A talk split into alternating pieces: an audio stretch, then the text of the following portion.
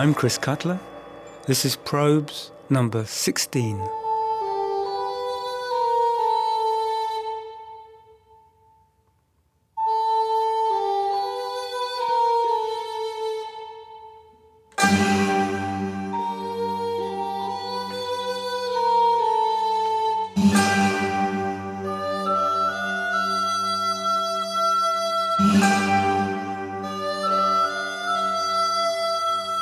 Now, where were we? Ah, we were looking at the way folk instruments have been probed for new identities and purposes. So let me just find. Bob, if you could, spin those wheels of steel.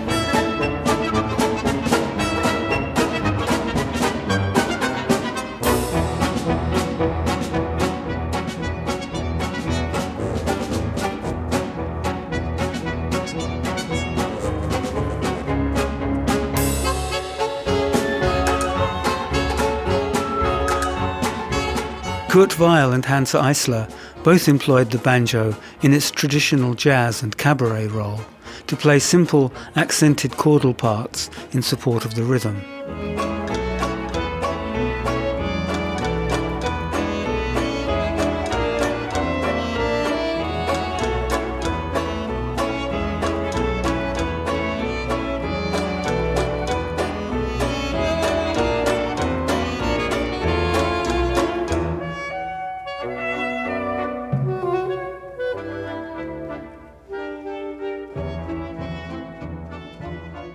From another lineage, also black in origin, the banjo was picked like a guitar in a style that became central to bluegrass, a hybrid form from Appalachia with roots in English, Scottish, and Irish folk music that had been heavily filtered through blues and jazz. Bluegrass took its great leap forward in the 1940s when the banjoist Earl Scruggs mastered and popularized a three finger picking style that came to define the genre.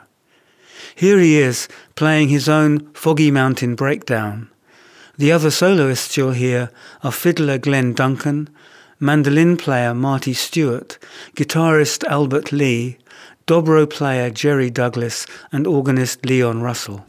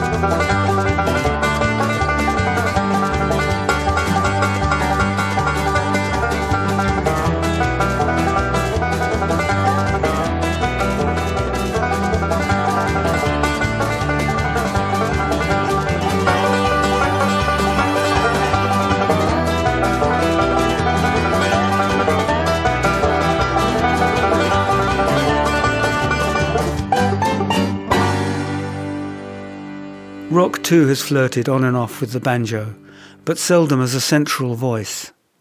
The Monks, a maverick expat American band from the 70s, famously used an amplified banjo on all their songs, but like Kurt Weill and the Dixieland groups, only for rhythm support and its clanking metallic edge. A more seductive use is this from the American soft rock band The Eagles.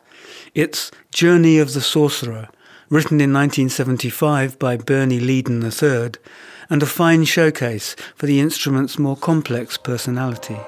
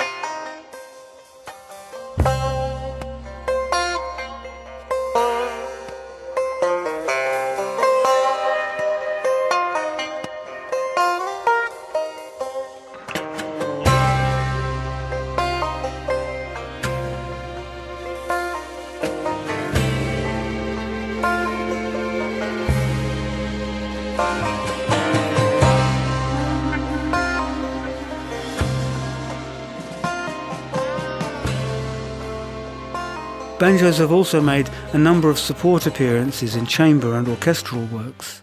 George Crumb and Hans Werner Henze, for instance, have used them for colour, but it's seldom heard as a featured instrument. And when it is, the composer usually turns out to be a banjo player. The best of those I've encountered is the American banjoist and composer Mark Sylvester. Here's a short extract from the second movement of his Trio Number no. 2 for banjo, oboe and cello, written in 2006.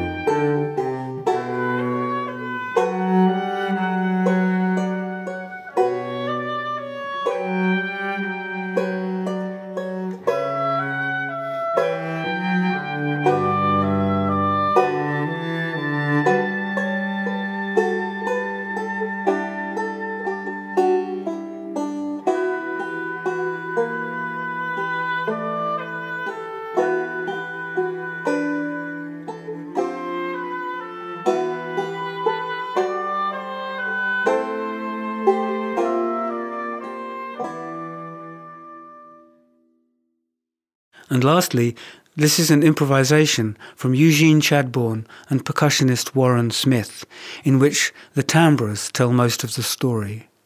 This is Odd Time for Two.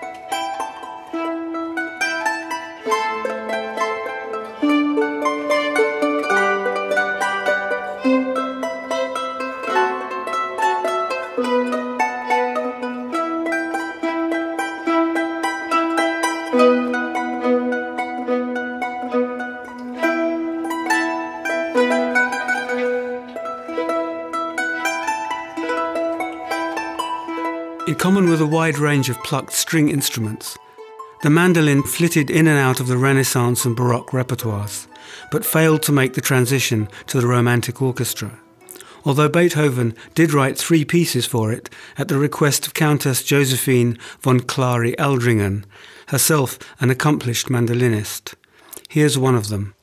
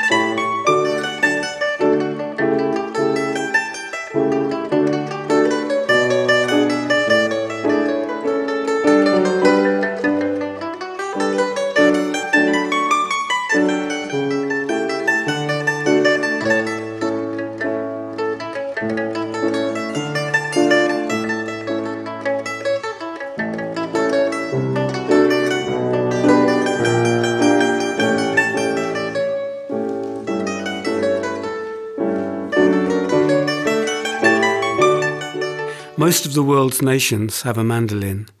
The Beethoven excerpt we just heard, for instance, was actually played on a liu qin, a Chinese mandolin that traces back to the early 17th century.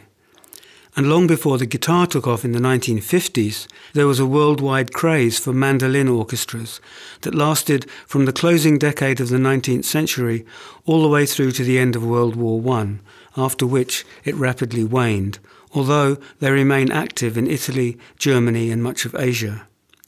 Here's the modern Japanese ensemble Arte Tokyo playing Giuseppe Manente's Arte Mandolinistica, written sometime in the first two decades of the 20th century. This is a live recording made in 2011.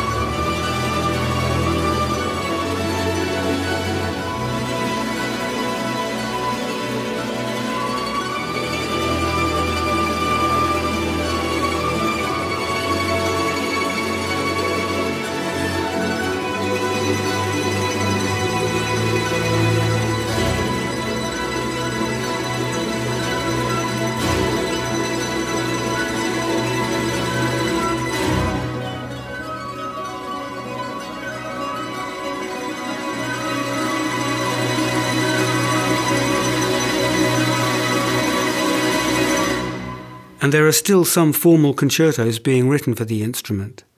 Here's one written by the Israeli composer Avner Dorman in 2006.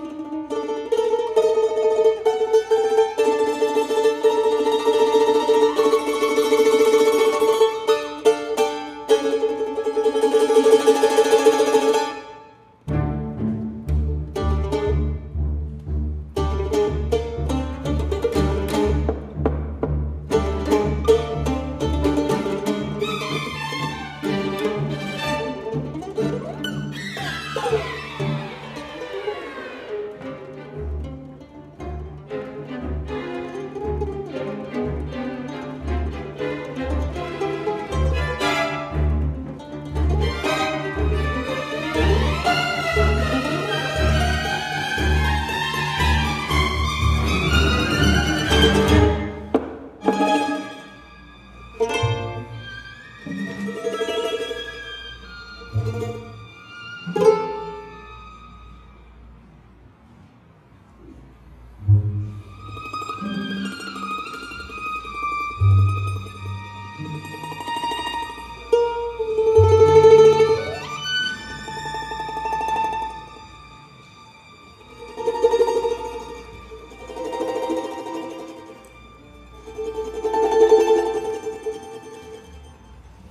In contemporary art music, however, the mandolin is and remains rare. Stravinsky used one, rather as he used a cymbalom for its colour, and both Webern and Schoenberg appreciated it for its distinctive fragility. In fact, Schoenberg made very effective use of the mandolin in his 1923 Serenade, Opus 24.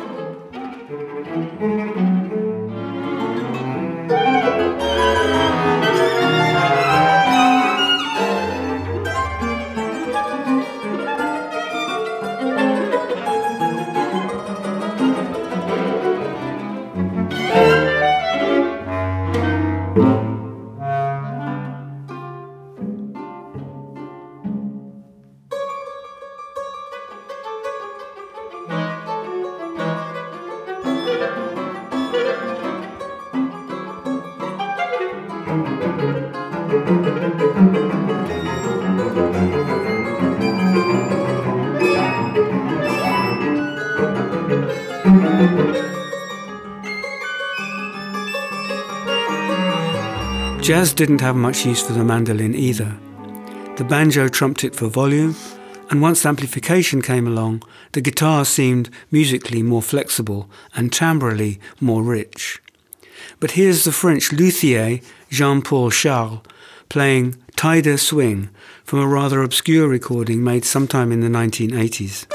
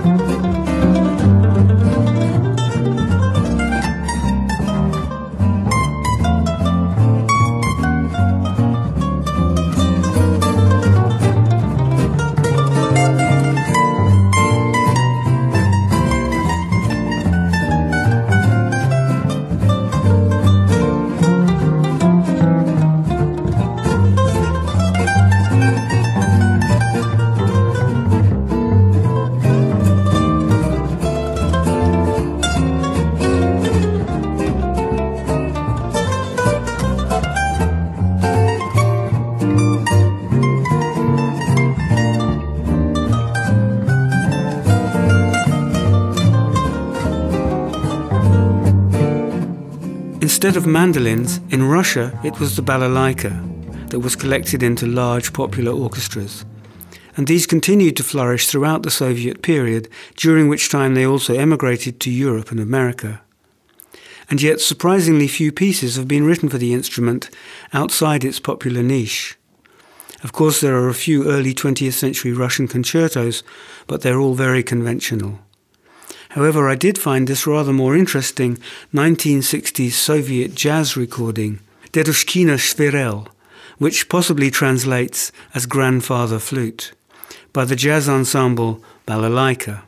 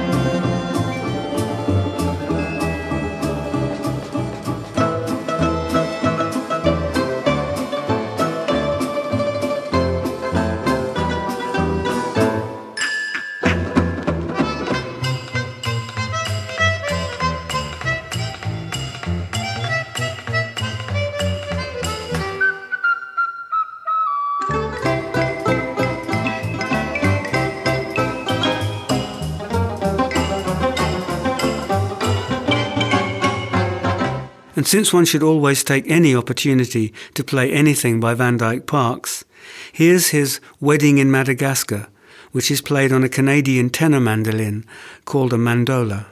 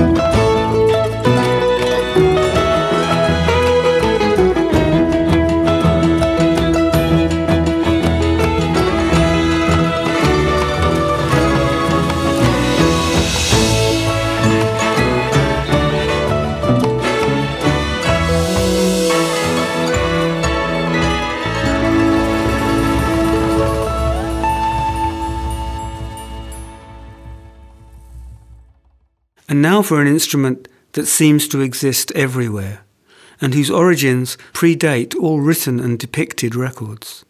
And yet it's an instrument you seldom hear mentioned in polite company, and which indeed most people don't seem to regard as an instrument at all. A regular feature in every cartoon film, the Jew's harp has, like many percussion instruments, a very narrow pitch range, one note, in fact. Everything else is a process of selecting and amplifying one or more of its overtones by changing the shape of the resonant cavity in the mouth. And it's a pretty quiet instrument too, which rules it out of a lot of possible situations. But when it's not being funny, it does have a certain hypnotic solemnity.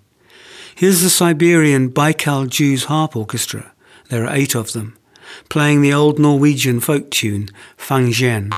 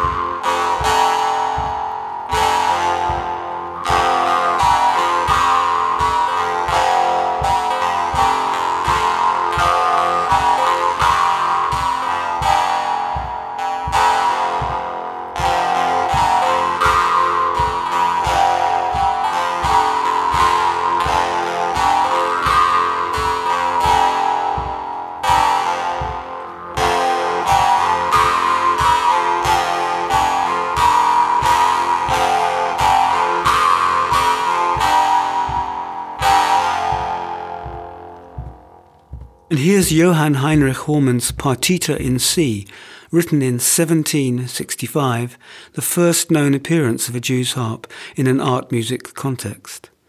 It's subtly employed here with a texture not unlike a muted harpsichord.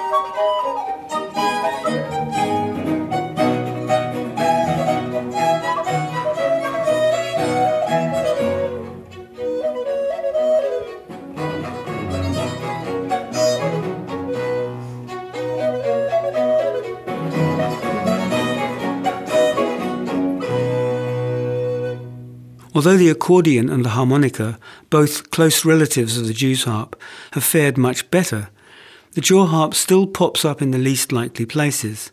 Here, for instance, is the great bebop trumpeter Dizzy Gillespie, recorded at the Lincoln Center in 1980.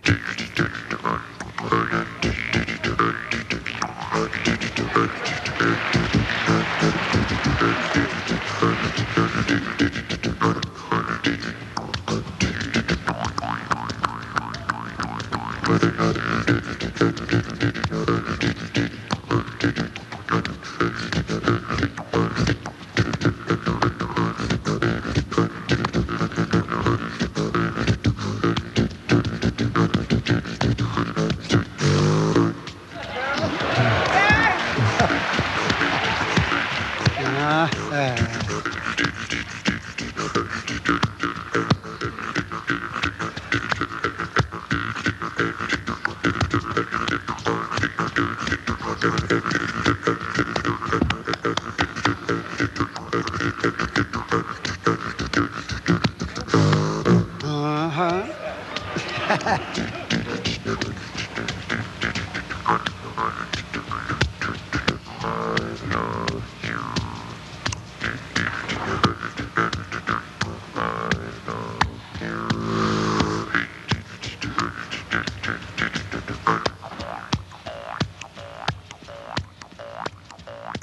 Its electric buzzing has also inspired beatboxers, like this French exponent, Jean Jean.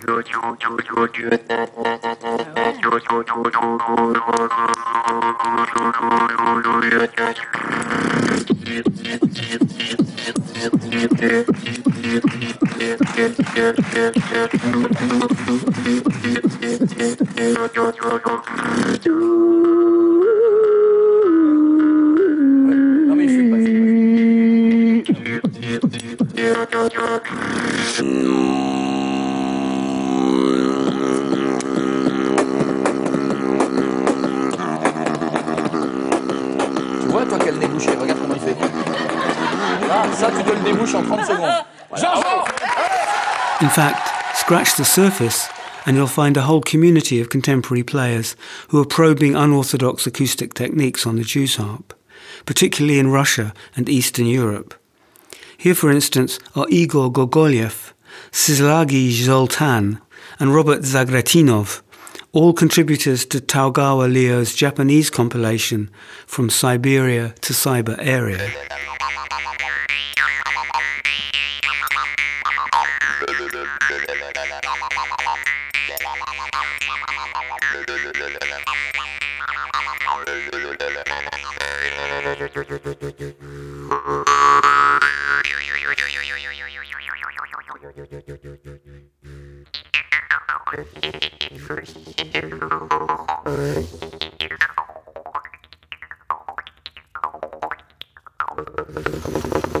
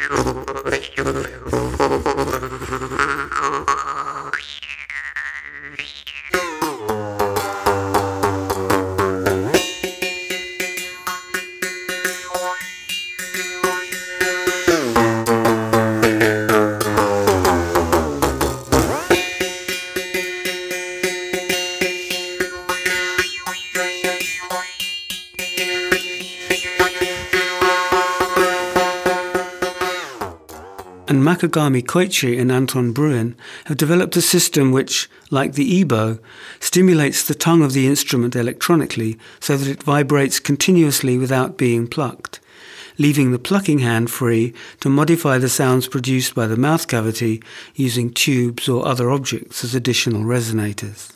Here's an extract from their Mojiri.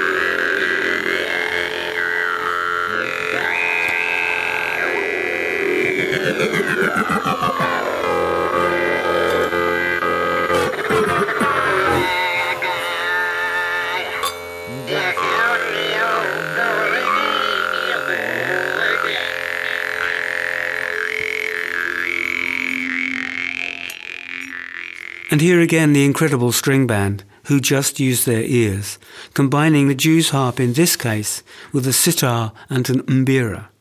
This is Koeeoaddi There, recorded in 1968. Listen, a woman with a bulldozer built this house of now. Carving away the mountain name as your childhood home. We were trying to buy it, buy it, buy it. Someone was found killed there, all bones, bones, dry bones.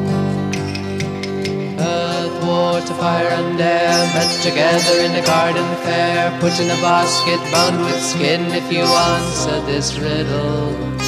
If you answer this riddle, you'll never begin.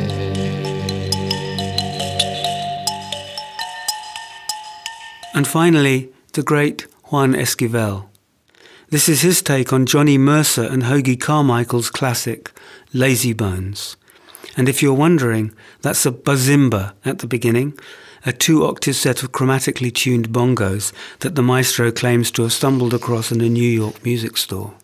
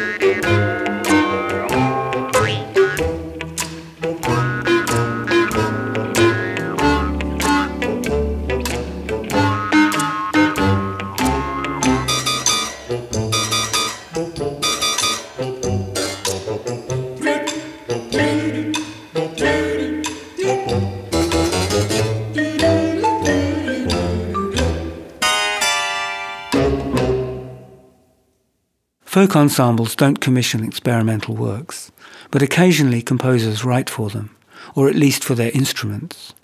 An early example, written from an array of mainly Yugoslavian folk instruments, is the Franco-Slovenian composer Vinko Globokar's Etude for Folklore 2, written in 1968. It has subsequently been performed on normal instruments, but the now very inaccessible original version, recorded in 1971 by Globokar's Phonic Arts Ensemble, is the one that makes most sense. It's a piece, like many from that period, which involves a great deal of improvisation.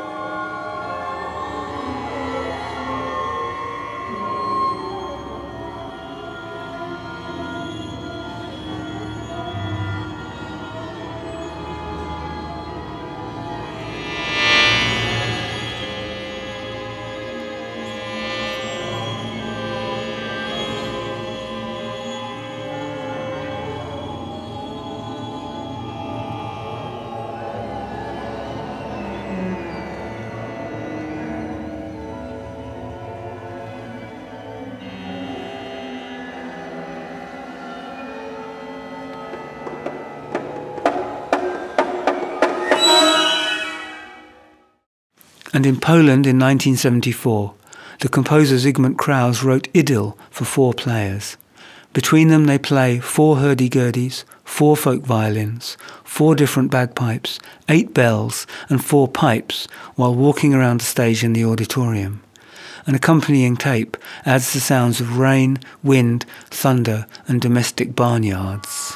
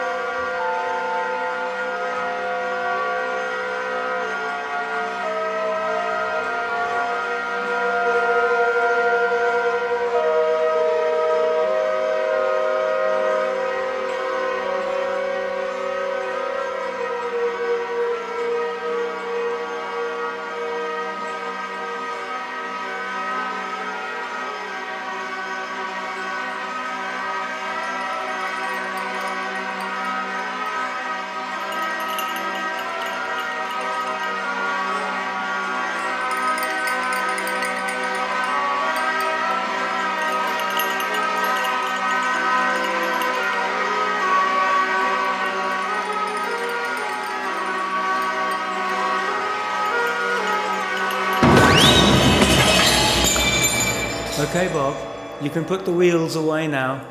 Our work is done here.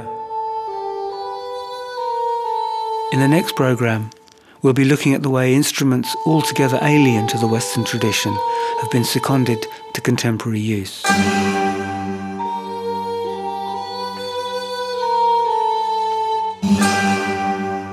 I'm Chris Cutler. This has been Probes.